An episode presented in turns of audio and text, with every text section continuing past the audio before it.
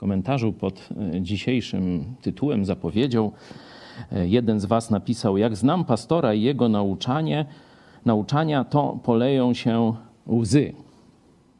A ja odpowiedziałem: Mam nadzieję dotrzeć głębiej. Uczucia plus rozum plus wola, mógłbym dopisać, równa się posłuszeństwo Bogu. Łzy wyciska sama tragedia. Wtedy człowiek sam płacze, a my mamy się dzisiaj zastanowić, jak przez to przejść, jak z tego wyjść i jak pójść jeszcze dalej i wyżej dla Jezusa Chrystusa, naszego Pana.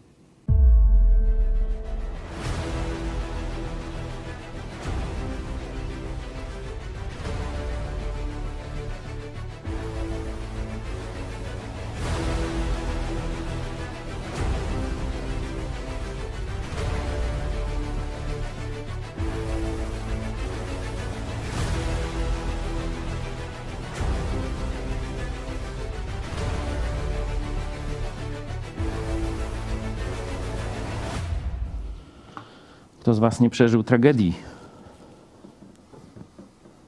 Śmierci ojca, matki za wcześnie, może jeszcze nawet czegoś gorszego na Waszych oczach, może rodzice się rozeszli i w nienawiści Was gdzieś pozostawili. Ilu przedwczesną śmierć bliskich, niekiedy y, młodszych, niekiedy swoich dzieci i tak dalej, i tak dalej. Każdy z nas ma gdzieś w swoim życiorysie jedną lub więcej wielkich tragedii. I oczywiście dla każdego z nas w chwili przeżywania czegoś tak ciężkiego świat się wali. Wydaje się, że już nie ma przyszłości, nie ma nadziei, nie ma niczego. Nawet być może tracimy z pola widzenia Boga w tym momencie. Ale warto, kiedy myślimy o naszych ludzkich tragediach, zadać sobie pytanie, kto pierwszy przeżył tragedię, kto pierwszy w tym naszym świecie, ludzie i Bóg, kto pierwszy przeżył stratę. I kiedy tak sobie zaczynamy zadawać pytanie, no to od naszej tragedii e, powoli nasze myśli idą w kierunku Boga, Pamiętacie ten, ten stan, który Bóg stworzył? Ten stan, kiedy przygotował wszystko na pojawienie się człowieka? Cały swój intelekt, całą swoją miłość, całą swą, swoją moc zaangażował w przygotowanie doskonałego świata dla człowieka, dla nas. No i człowiek się pojawia, jest wielka radość. Bóg uczy człowieka, e, jak żyć w tym świecie, e, jakie wspaniałości ten świat daje, e, pożywienie, ciepło, piękne widoki, no i przede wszystkim on sam, jako najbliższy przyjaciel. Potem go też uczy. Bierze człowieka i mówi: chodź, pokażę ci cały ten świat. Będę twoim przewodnikiem. Prowadzi go, tu zobacz, żyrafy, tu tam hipopotamy. Człowiek zaczyna już na własną rękę tworzyć, tworzy nazwy. Czyli mamy cały ten proces wychowawczy. Potem Adam dochodzi do dorosłości, w tym e, sensie już poszukiwania partnerki. No i Bóg mówi: No nie jest dobrze, żeby człowiek był sam. No i daje mu kobietę. Doskonały świat się szykuje, nie? Są po ślubie. Fajnie. A pamiętacie, otwórzmy Biblię na pierwszej księdze, co Bóg powiedział wobec tych wszystkich różnych wspaniałości, o których mówię, co Bóg powiedział człowiekowi. I dał Pan Bóg człowiekowi taki rozkaz: z każdego drzewa tego ogrodu możesz jeść, ale z drzewa poznania dobra i zła nie wolno ci jeść, nie wolno ci jeść, bo gdy tylko zjesz z niego, na pewno umrzesz. I tu rozgra, rozegrała się ta pierwsza bitwa, pierwsza tragedia wszechczasów. Bóg powiedział: Nie wolno ci tego, bo jak to zrobisz, to umrzesz. A diabeł powiedział: Bóg chce was oszukać. Na pewno nie umrzesz. No, co się stało dalej, wiemy. Kto ma rację, też wiemy, ale chcę, żebyśmy się skupili na tym słowie śmierć. Na pewno umrzesz. Na pewno umrzesz. Adam i Ewa nie umarli śmiercią fizyczną, jak wiemy. Dalej żyli. Czyli ta śmierć tutaj znaczy co innego. Nie chodzi tylko o śmierć fizyczną, bo rzeczywiście Adam, choć żył, wydaje się, dla nas wieczność, czyli ile tam, z tysiąc lat prawie, nie? To co się w końcu stało z Adamem? No wziął i umarł, nie? Czyli ta śmierć fizyczna też przyszła na świat, ale nie od razu. Jeszcze tysiąc lat mniej więcej żył, czy w każdym razie kawał czasu. Umrzeć oznaczało oddzielenie. To ta nasza grafika dzisiejsza z początku naszego programu właśnie pokazuje. Oddzielenie. Nie? Przed chwilą byli razem, a teraz nastąpiła tragedia i już są osobno. Już są osobno. Już najpierw może być mała ta przepaść, mogę jeszcze tę grafikę? Mała przepaść, ale ona później się cały czas powiększa. Już nie ma tego, co było. To jest śmierć. Mieli doskonałą wspólnotę. Jak, jak bardzo doskonała była ta wspólnota, to z tego opisu jeszcze nie wiemy. No, kończy się ta historia. Zobaczmy trzeci rozdział. Wiemy, co się stało w międzyczasie. Człowiek posłuchał diabła, odrzucił to ostrzeżenie Boga. Jeśli zjesz, na pewno umrzesz. Na pewno wejdzie między nas śmierć czyli rozdzielenie. I tak wygnał człowieka, Bóg wygnał człowieka. Na wschód od Edenu umieścił cheruby i płomienisty miecz wirujący, aby strzegły drogi do drzewa życia, aby człowiek nie pozostał na wieki w tym stanie oddzielenia od Boga. Ktoś pomyśli, no, Bóg stworzył Stworzył sobie przecież wcześniej anioły. Jak się zbuntowały, to też część aniołów się zbuntowała, część pozostała wierna. Też ich wygnał, no i co? Co z tego? No już tam, dobra. To tak jak powiedzmy, ktoś coś projektuje, coś ktoś wykonuje, no i mu tam się nie uda, z noga się złamie od krzesła czy coś. Możemy myśleć, że to może, może tak Bóg podchodzi do swojego stworzenia. Nie? No nie udał się ten projekt, to wyrzuca go na śmietnik historii. To dopiero oczywiście zapowiedź tego, że Bóg jednak nie traktuje człowieka jako zepsuty projekt, który się nie udał i który ląduje na śmietniku historii. Już jest tu zapowiedź, że przyjdzie Mesjasz. Nie? Mamy już go w Starym Testamencie, ale jeszcze jeszcze do końca nie rozumiemy, o co chodzi, o czym to świadczy i tak dalej.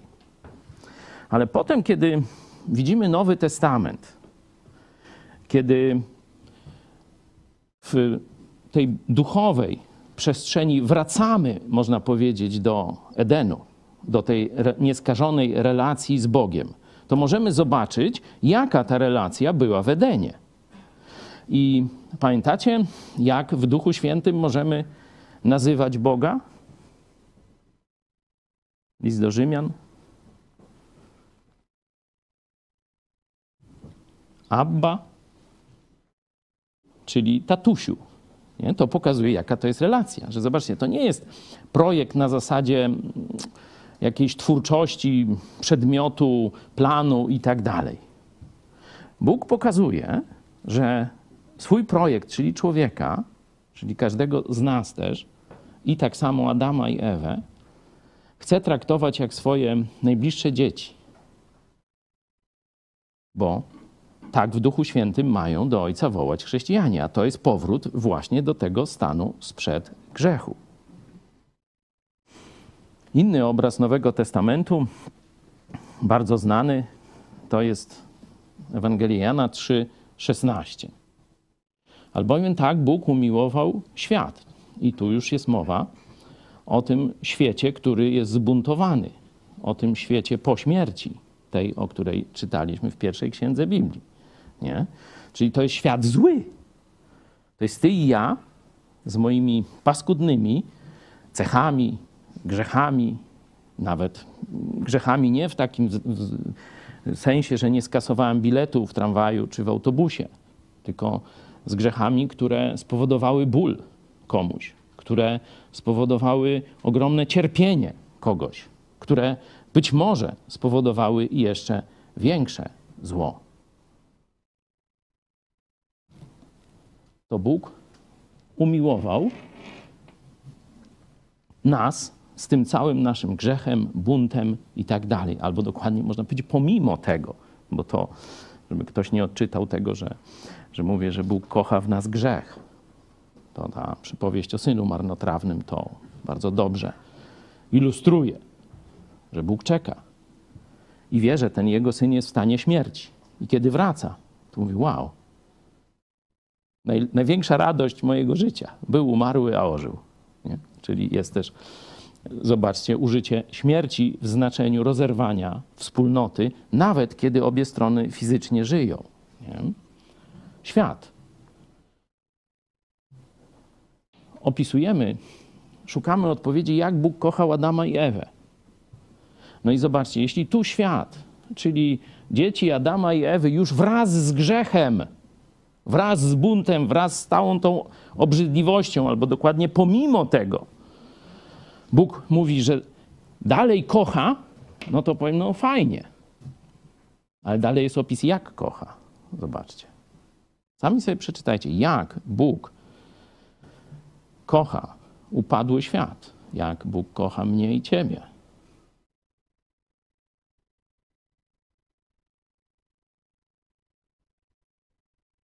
Swoje jednorodzone dziecko, jedyne, daje zamiast ciebie i zamiast mnie. Nie, że się wypadek wydarzył, nie, że ktoś zabrał. Widzicie, jaki tu jest czasownik? Ojciec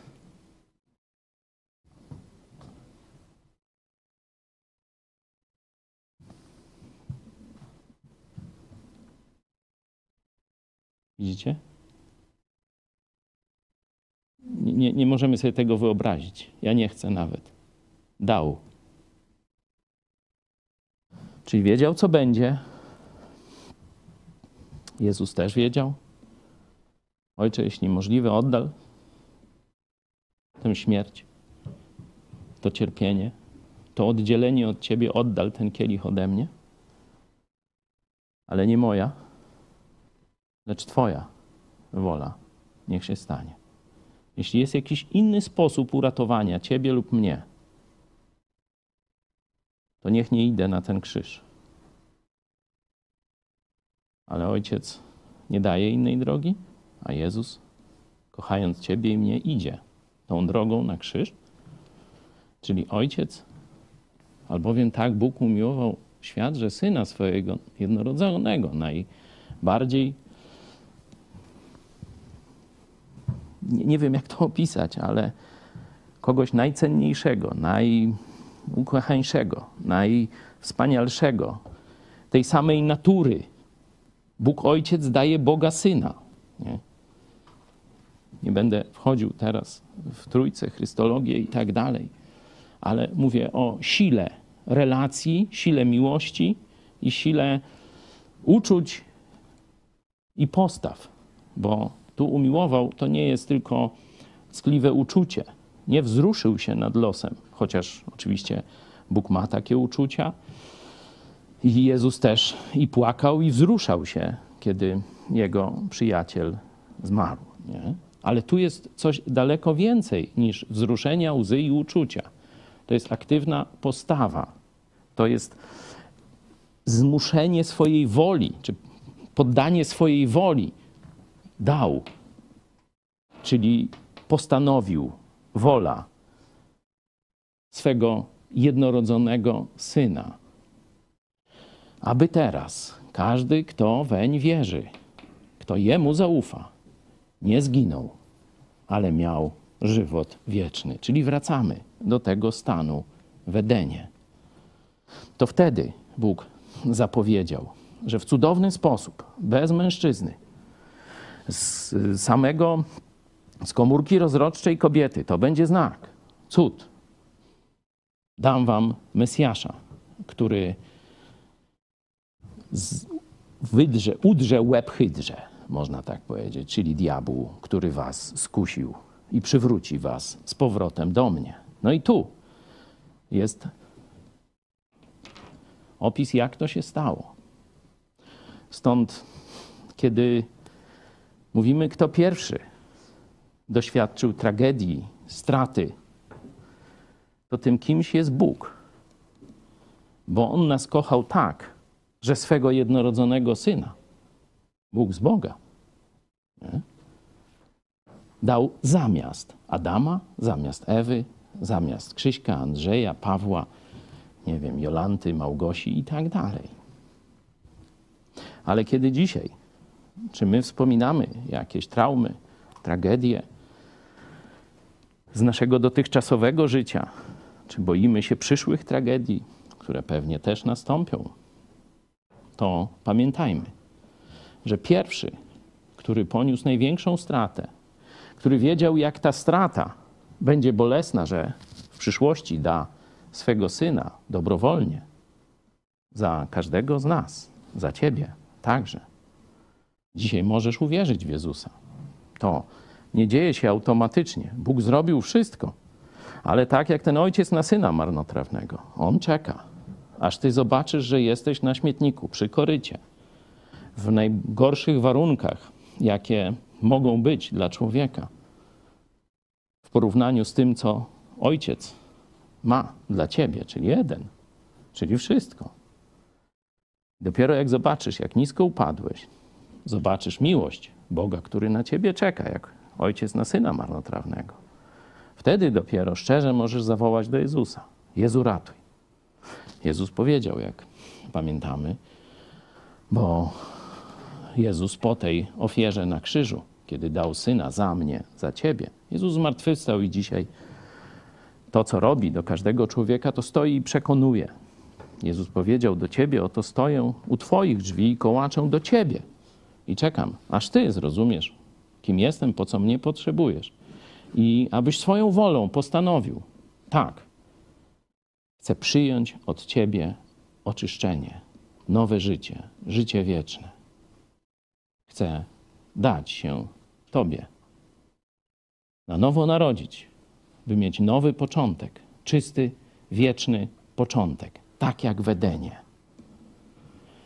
To pamiętajmy, że teraz, kiedy my przeżywamy tragedię, kiedy my przeżywamy stratę, to On pierwszy.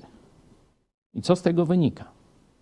Jeśli On tak nas bardzo kocha, jednocześnie przeżył wraz ze wszystkim, co się z tym wiąże, z wolą, z uczuciami, z, z intelektem, to rozerwanie z Jezusem, który wołał na krzyżu: Boże mój, Boże mój, czemuś mnie opuścił, czyli to, to wszystko jest autentyczne, to nie jest symboliczne. Ten ból jest prawdziwy, dojmujący, do szpiku kości, nie do opisania. Czyli kiedy on dzisiaj patrzy na Twoje cierpienie, no to to jest ten Bóg, który to przeżył. To nie jest ktoś, wiecie, z innej galaktyki, który patrzy, jak tu sobie robaczki funkcjonują na tym świecie. On wziął w tym udział jako pierwszy. To on pierwszy przeżył stratę, cierpienie i wiedział jeszcze, co będzie musiał wycierpieć, żeby Ciebie odzyskać, uratować. Stąd, kiedy w liście do Hebrajczyków czytamy o Jezusie, to jest jasne, dlaczego możemy do Niego śmiało przyjść z każdym bólem, cierpieniem, wyciem, płaczem, krzykiem rozpaczy. Bo mamy arcykapłana doświadczonego we wszystkim, za wyjątkiem grzechu. We wszystkim, za wyjątkiem grzechu. Także jeśli jest jakieś pocieszenie, to ono jest właśnie w Bogu, który pierwszy przeżył tak straszną stratę, Najpierw z powodu naszego buntu, a potem, żeby Ciebie i mnie z powrotem do siebie przyprowadzić. To na pewno nie otrze wszelkiej łzy, bo to nie ten czas, to dopiero w niebie. Ale to może we właściwym poziomie umieścić nasze cierpienie z całym kontekstem Boga, wszechświata, samego problemu, zła i tak dalej. Skąd to się wzięło? Zawsze, kiedy cierpimy tragedię, pytamy dlaczego. No właśnie dlatego, że Adam z Ewą wtedy podjęli tamtą decyzję. Dlatego mówimy, że grzech jest tak straszny. Dlatego ostrzegamy, że nie można tolerować grzechu, że on nie zawsze zabija, nie zawsze są od razu jakieś spektakularne, wiecie, wydarzenia, ale on zawsze jest tak samo zły, jak grzech Adama i Ewy. I z niego też kiedyś przyjdzie jakaś śmierć, w tym znaczeniu rozdzielenia, zniszczenia, popsucia czegoś. Na drugi temat. Pierwsza osoba, która we wszechświecie doświadczyła straty i tragedii, to jest sam Bóg. A teraz przeniesiemy się na chwilę do już kontekstu czysto ludzkiego, do człowieka, do człowieka niezwykłego, o bardzo wrażliwej duszy. Wszystkie prawie że psalmy to ten człowiek napisał, czyli Bóg uznał, że jego uczucia, jego życie emocjonalno-intelektualne jest e, najlepszym wyrazem relacji między Bogiem a człowiekiem, stąd te 150 psalmów. Nie wszystkie Dawida, ale prawie. Nie? Czyli to sam Bóg daje go nam jako wzór wypowiadania szczerze swoich uczuć i myśli przed Bogiem. I dlatego mamy te wylewania serca przed Bogiem. I tam, czytając psalmy na każdą okoliczność, i Dawid przegrywał, i Dawid był niezrozumiany, i Dawid był prześladowany, i Dawid stracił królestwo, i Dawid stracił dzieci. Nie? W dramatycznych bardzo okolicznościach, także ze swojej winy. Nie? To wszystko on przeżył. Przeżył też straszny grzech swój i upadek. Czyli Bóg rozumie te wszystkie rzeczy, przez które ty i ja przechodzimy, bo dał właśnie sposób na wypłakanie się, na utożsamianie się z tym bólem, kiedy mamy przykład króla, nie? króla Dawida, który wylewa swoje serce przed Bogiem. Ale teraz chcę was, Wam pokazać jedną z takich najcięższych historii, przez jakie przechodził Dawid. W tę historię nie wszedł z winy cudzej. To nie tam zły król Saul go w to wkręcił. Wręcz przeciwnie, sam się w to wkręcił. Sam dokonał paskudnego grzechu, a potem jeszcze dołożył zbrodnię. I po ludzku my byśmy skreślili po tym, co zrobił Dawid, byśmy go skreślili z mapy, e, że tak powiem, e, naszego życia, e, szans i tak dalej.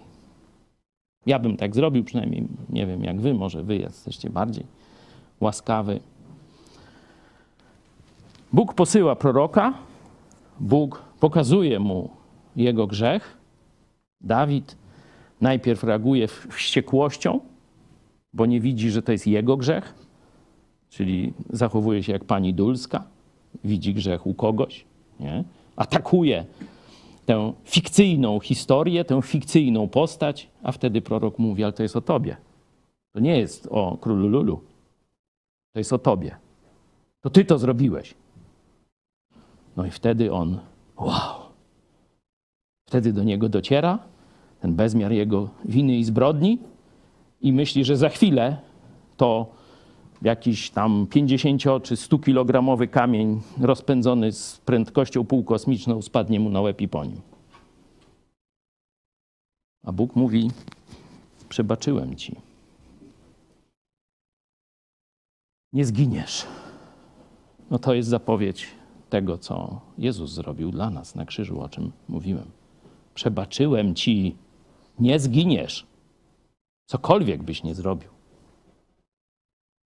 Ale teraz przeżyjesz konsekwencje swojego grzechu.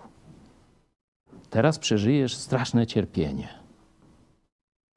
Bo i teraz zadajmy sobie pytanie, bo co? Bo Bóg chciał mu dowalić? No jak mu przebaczył, no to nie chciał dowalić. Czyli po co mu daje teraz to cierpienie? Jedyne wytłumaczenie to jest, żeby go zmienić. Żeby on już nigdy więcej w tamten sposób nie zrobił. A pamiętał tę lekcję na całe swoje życie. I dla nas, żeby ta lekcja też głośno przemawiała z kart Pisma Świętego. Przeczytajmy pierwszą część tej tragedii. Potem Natan poszedł do swojego domu. Pan zaś ugodził dziecię, które żona Uriasza urodziła Dawidowi i ono zachorowało. Wtedy Dawid błagał Boga za dziecięciem i pościł Dawid, a gdy przyszedł na noc do domu, leżał całą noc na ziemi. Gdy zaś przystąpili do niego starsi jego domu, aby go podnieść z ziemi, nie chciał wstać i nie spożył z nimi posiłku. Siódmego dnia dziecię zmarło. Słudzy Dawida bali się powiedzieć mu, że dziecię nie żyje. Myśleli bowiem, jeżeli oto póki jeszcze dziecię żyło i my mówiliśmy do niego, on nie słuchał naszego głosu, to jakże mamy mu powiedzieć, że dziecię nie żyje? Gotów jeszcze zrobić sobie coś złego.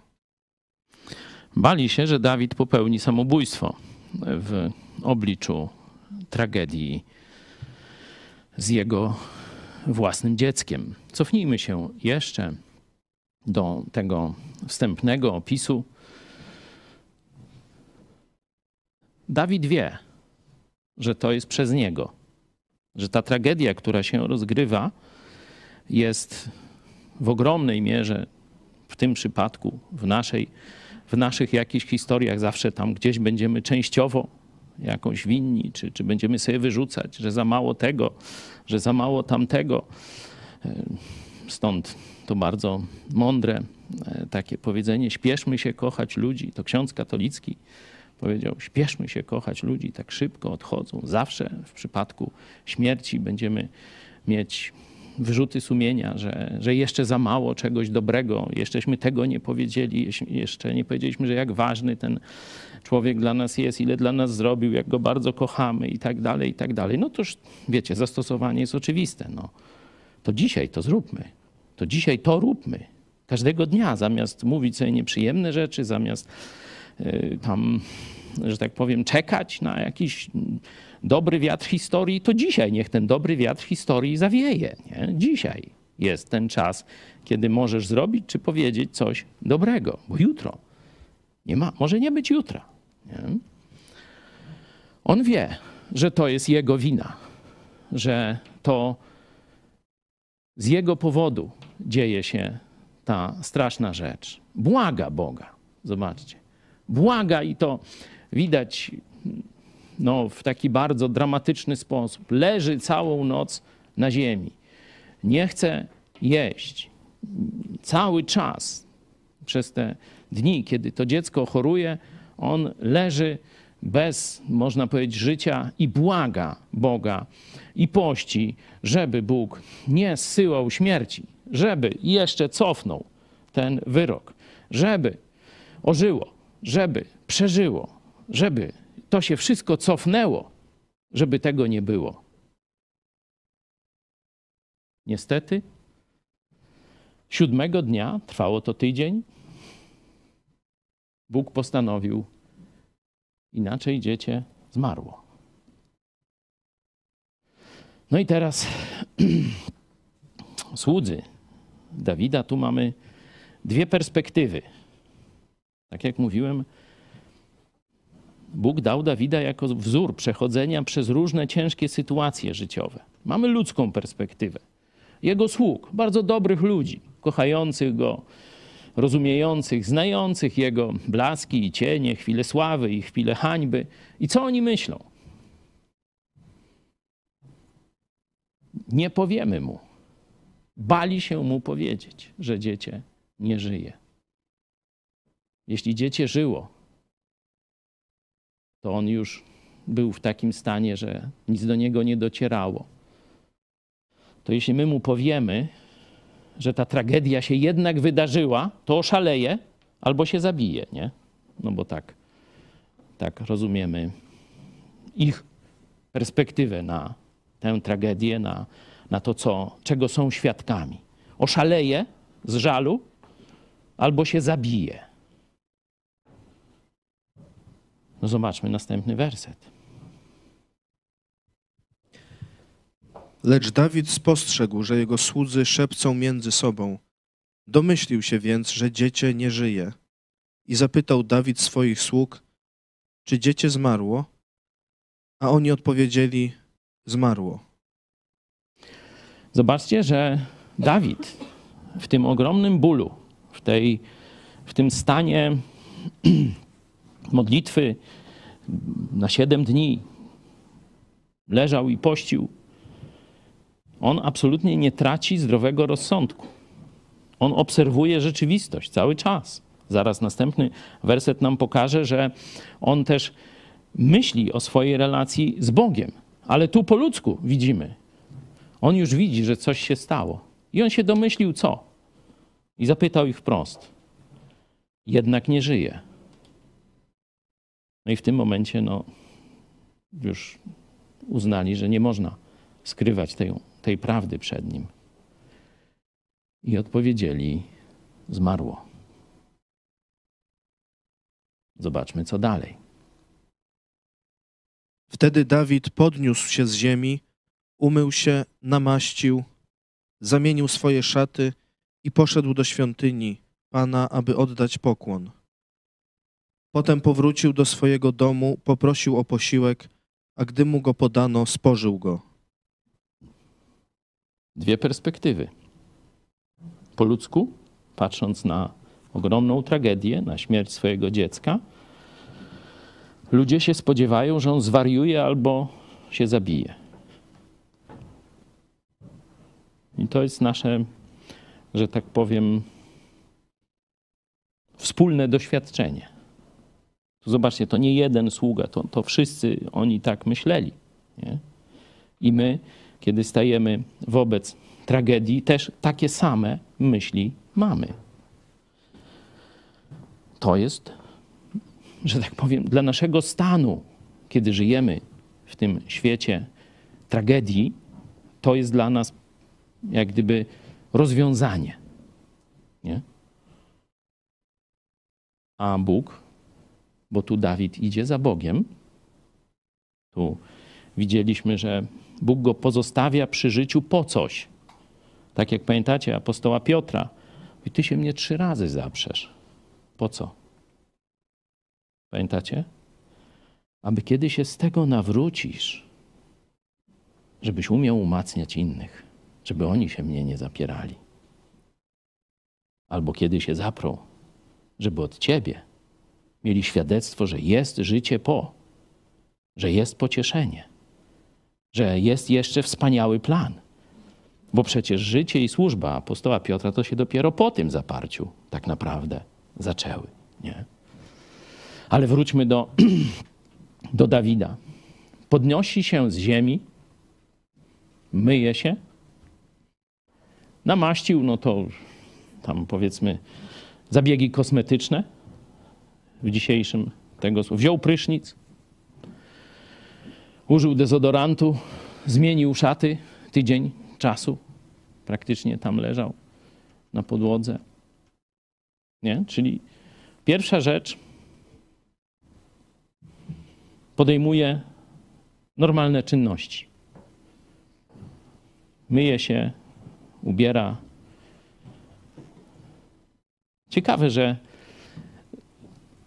to jest w tej kolejności, a nie, że najpierw poszedł do świątyni Pana, aby oddać mu pokłon.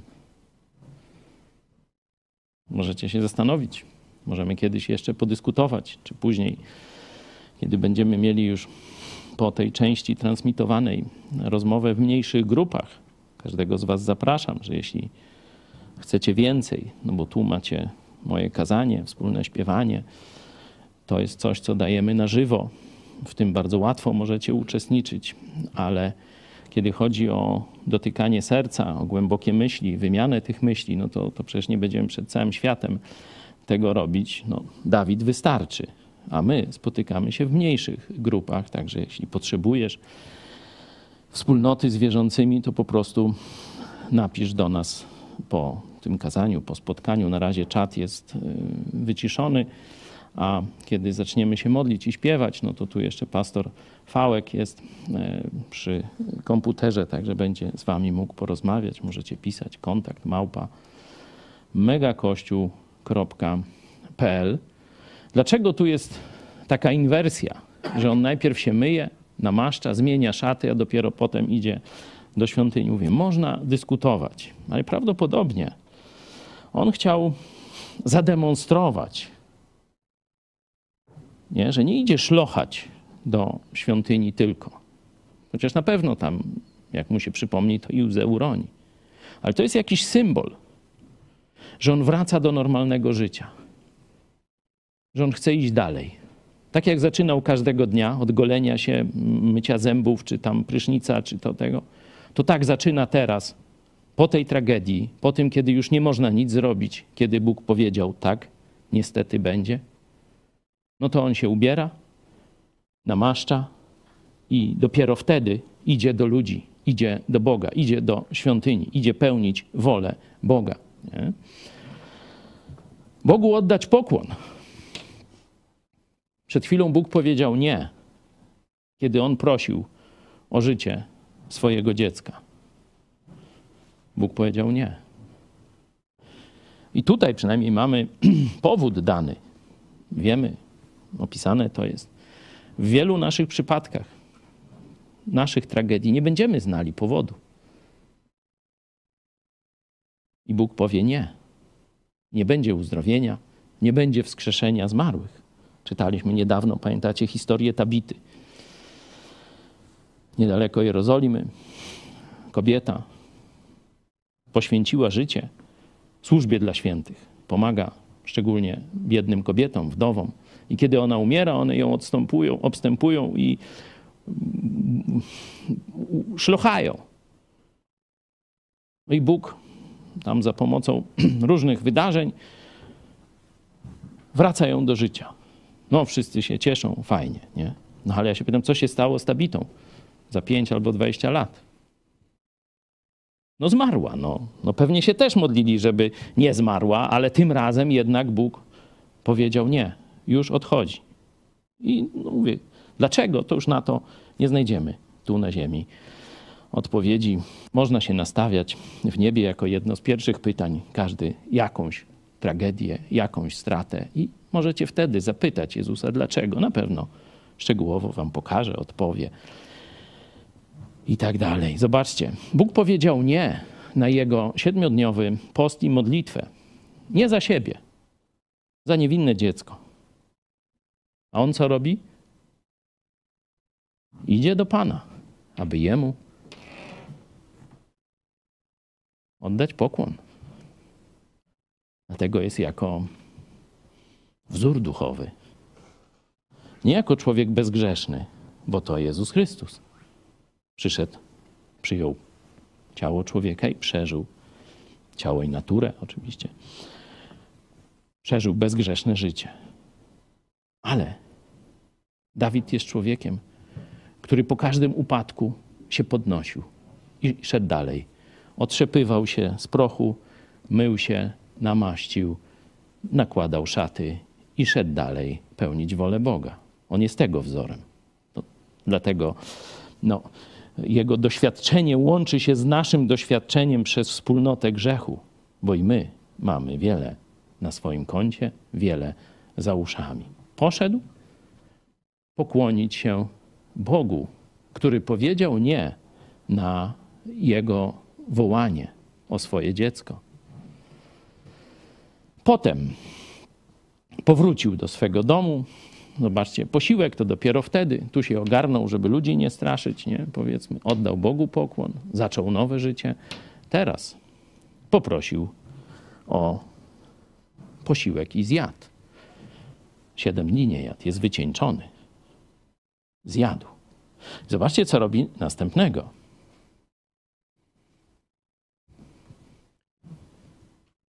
Wtedy rzekli do niego jego słudzy: Co ma znaczyć to, co uczyniłeś? Dopóki dziecię żyło, pościłeś i płakałeś, a gdy dziecię zmarło, podniosłeś się i spożyłeś posiłek? Czym się Dawid teraz zajmuje? Umył się, wziął szaty, poszedł, podziękował Bogu, oddał mu pokłon. Dawałeś dobre, dziękowałem. Zabrałeś to, co cenne, też Ci podziękuję, bo Ty jesteś dobrym Bogiem. Nie rozumiem, nie próbuję odpowiadać, dlaczego, co i jak, ale Ty jesteś dobrym Bogiem. To wyznaję tym pójściem do świątyni, zjadł. No a teraz mówi kazanie. Zobaczcie. Teraz zajął się nauczaniem, bo ludzie nie wiedzą, bo ludzie pytają. To on w tym stanie, no, zobaczcie, co odpowiada. On jest świadectwem myślenia Bożego, a nie ludzkiego. A on odpowiedział: Dopóki dziecię żyło, pościłem i płakałem, gdyż myślałem sobie: Kto wie, może Pan zlituje się nade mną i dziecię będzie żyło. Teraz zaś, gdy zmarło, po cóż mam pościć? Czy mogę je jeszcze przywrócić życiu? To ja pójdę za nim, a nie ono powróci do mnie. Dzięki. To jest świadectwo, nauczanie kontekstualne, nie? że pojawia się zdarzenie, ludzie w zdziwieniu pytają, no i on wykorzystuje tę sytuację teraz, żeby ich przybliżyć do właściwego myślenia o Bogu. Najpierw tym, że poszedł, wrócił do normalnego życia, poszedł podziękować Bogu, a teraz im tłumaczy. To, co mówiłem, on nie stracił zmysłów, kiedy modlił się i pościł. Mówi: Myślałem. Myślałem sobie. Pościłem, modliłem się wcześniej, płakałem, ale ciągle myślałem. Nie, nie traci zmysłów, może nie odchodzi od zmysłów. Ciągle myśli. I mówi: Nie wiem. Wiem, że Bóg jest litościwy. Wiem, że Bóg jest wszechmocny. Może się zlituje i dziecię będzie żyło. Zobaczcie, że on nie ma pewności. Może. I my dzisiaj też nie mamy pewności. Kiedy chorujemy, kiedy tragedie, kiedy cierpienie, kiedy ktoś ociera się od śmierci i modlimy się, nie wiemy przecież. I Dawid też nie wiedział. Mówi, może Pan się zlituje i odpowie w ten sposób, jak ja chcę na moją prośbę o życie mojego bliskiego, mojego kochanego dziecka i tak dalej. Ale to on jest suwerenny. Może zdecydować inaczej. Mówi, teraz, gdy zmarło, gdy Bóg zdecydował inaczej, no to po cóż moje modlitwy czy posty? To już Bóg zdecydował inaczej. To ja tylko podporządkowuję się do tego, co Bóg czy temu, co Bóg zdecydował. Ja już nie wrócę go życiu. To ja przecież niebawem, kiedyś umrę. To nie jest plan samobójczy, nie? Tylko przedstawienie tej prawdy, że to ja za jakiś czas umrę, ja przejdę na drugą stronę, a to dziecko, ono już do mnie nie wróci. Zobaczcie, Straszne słowa, ale taka jest prawda. I on w tym całym bólu potrafił się zmierzyć z tą rzeczywistością. Żyje, czyli mam jeszcze coś do zrobienia. Umył się, ubrał. Żyje. A Bóg jest moim tatusiem. To idę do Niego, pomimo że nie rozumiem. żyję. Nie wszystko rozumiem, ale coś zrozumiałem. I tym czymś teraz dzielę się z innymi.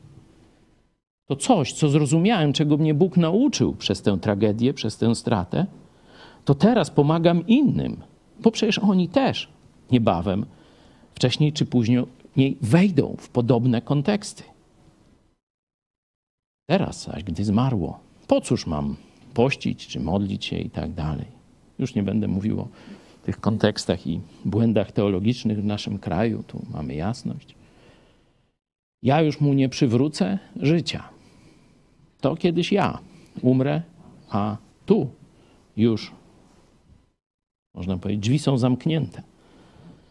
I ja muszę się z tym pogodzić.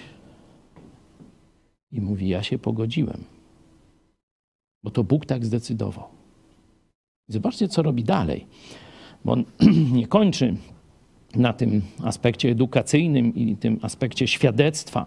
Zobaczcie, że w czasie no, tej jeszcze traumy, to się, to się dzieje na gorąco. To nie jest trzy lata po tych wydarzeniach. To jest tego samego dnia, kiedy dziecko zmarło. On już, zobaczcie, idzie w kierunku tego myślenia. Co robi dalej? Następnie Dawid pocieszał Batrzebę, swoją żonę, przybył do niej i obcował z nią. Potem ona urodziła syna, któremu nadał imię Salomon, a Pan go miłował.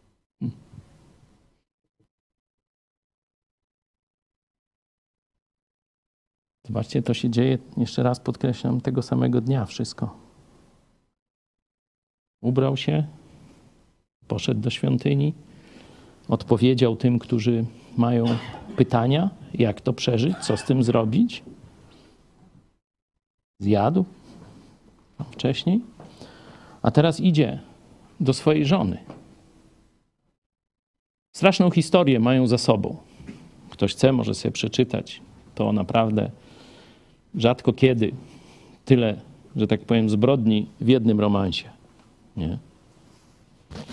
Strasznych zbrodni.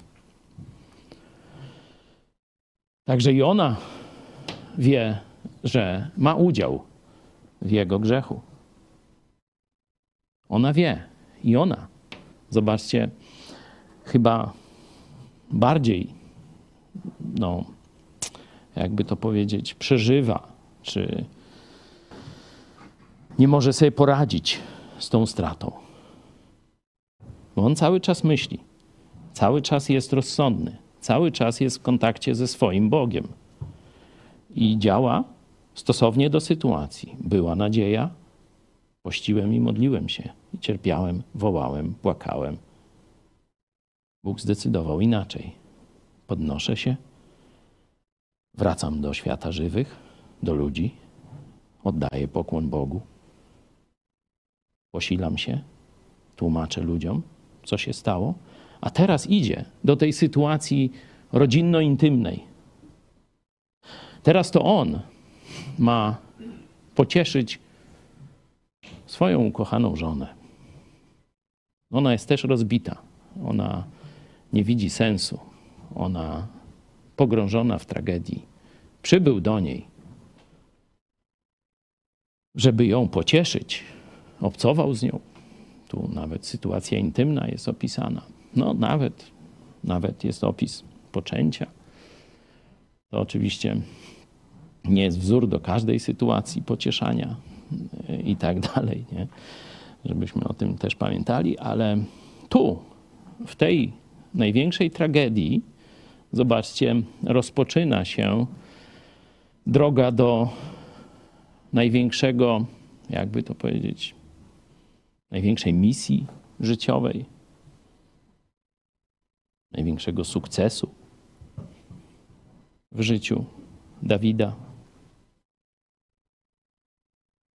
to tu pojawia się na scenie Salomon. Najmądrzejszy z królów, chluba Izraela, wzór władcy. Oczywiście nie dotrwał wierności Bogu, ale to już jest inna historia. To tylko pokazuje, że najlepszy, najmądrzejszy, bo od samego Boga miał nadzwyczajną mądrość do rządzenia i do sprawiedliwego sądzenia. ale i to nie wystarczy, żeby oprzeć się grzechowi, ale to jest chluba Dawida. Dawid nie mógł pewnych rzeczy zrealizować. Bóg powiedział: Za dużo przelanej krwi w Twoim życiu. To nie Ty mi zbudujesz świątynię. No i on słabo, bo miał takie marzenie. Nie? Zgromadził wszystko, materiały i tak dalej, i tak dalej.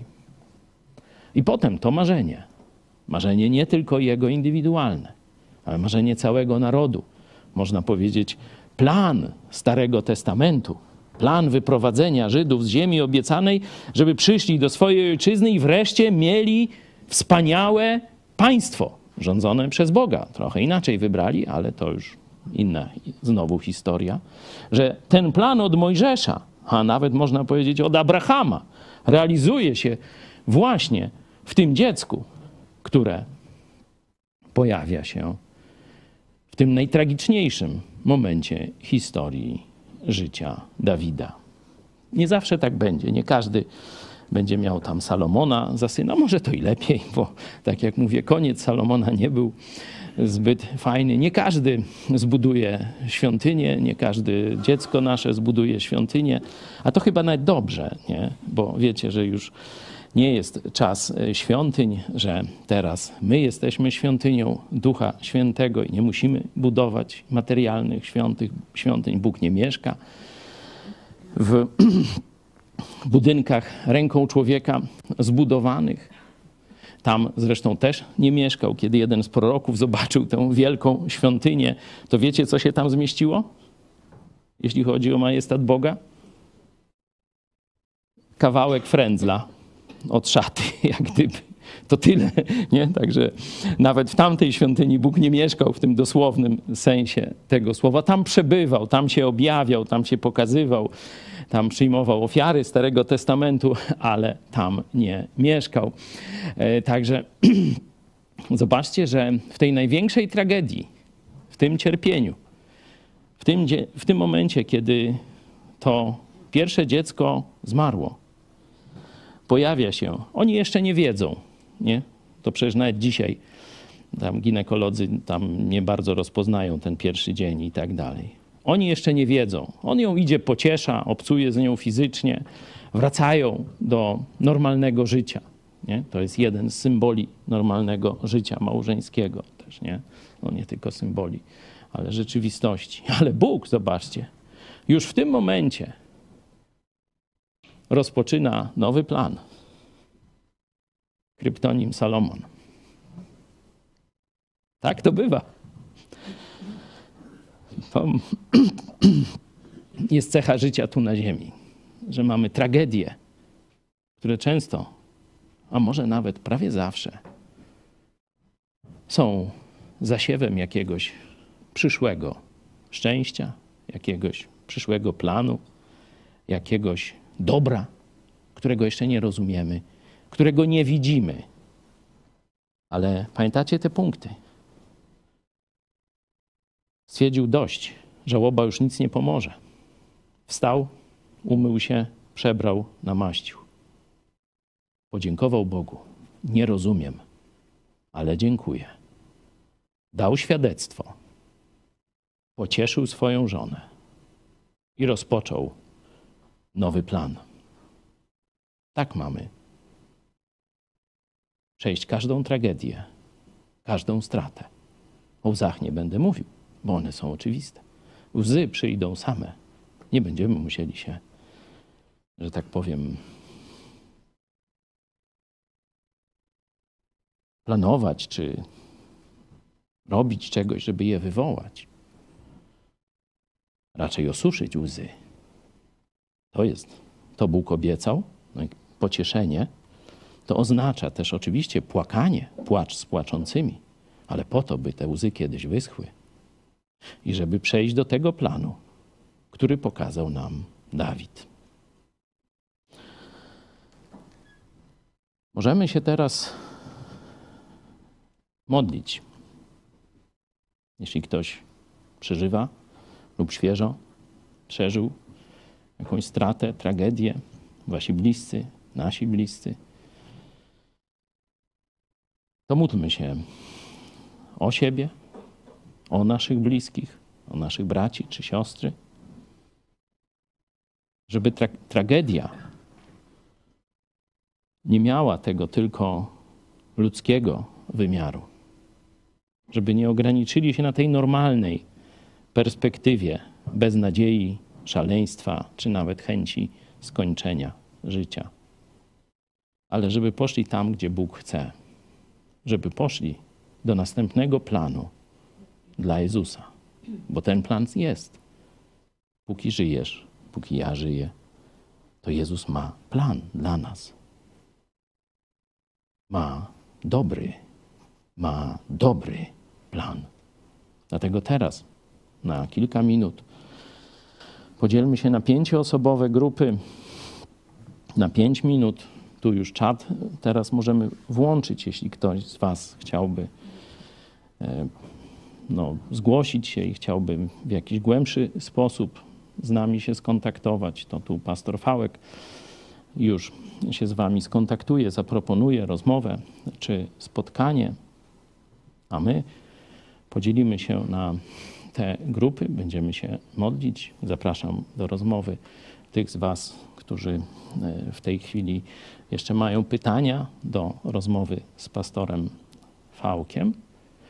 A za kilka minut wrócimy do wspólnego śpiewania. Jeśli chcecie jeszcze z nami pociągnąć ten czas zadumy i zachwytu Bogiem, to za pięć minut zapraszam Was do wspólnego śpiewania. A teraz Hania Jazgarska będzie nam towarzyszyła z tą piosenką na podstawie jednego z psalmów. Słowo Twe.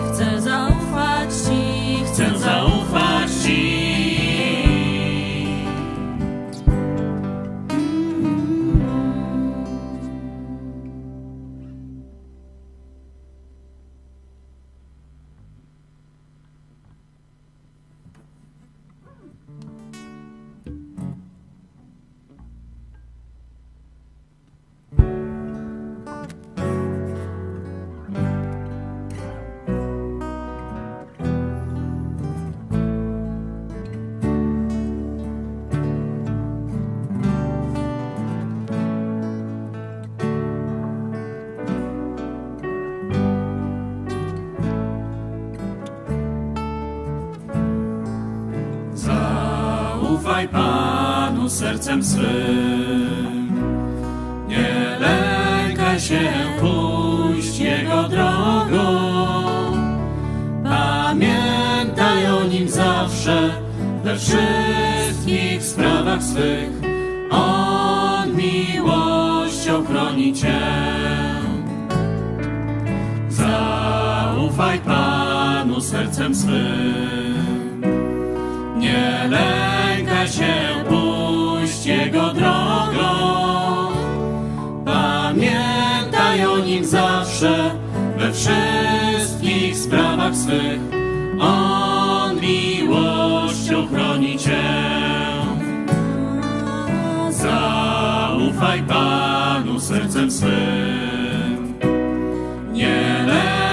Się pójść Jego drogą.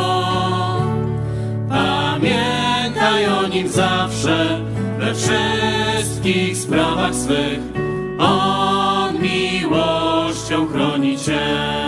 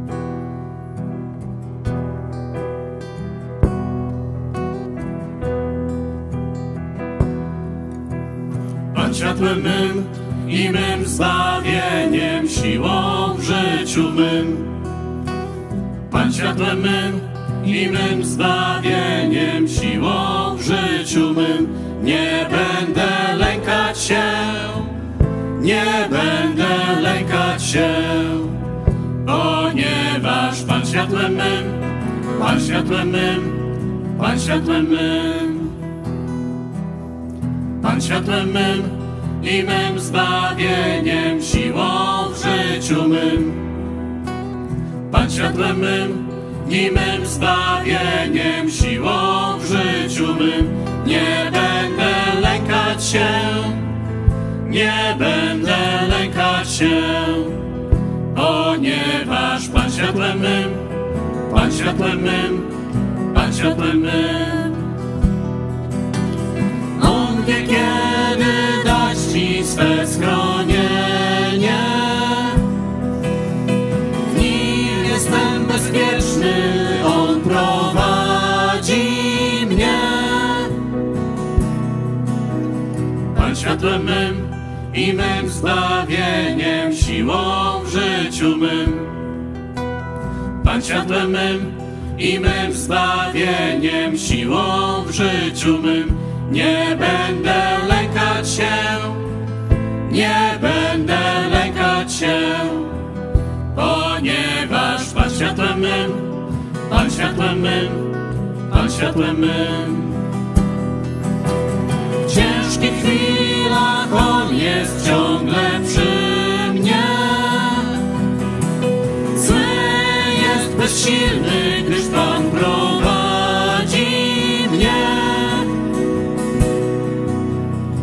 światłem mym i mym zbawieniem, siłą w życiu mym. Pan światłem mym i mym zbawieniem, siłą w życiu mym. Nie będę lękać się, nie będę lękać się, ponieważ Pan światłem mym, Pan światłem mym, Pan światłem mym. Ponieważ Pan światłem mym, Pan światłem mym, Pan światłem mym.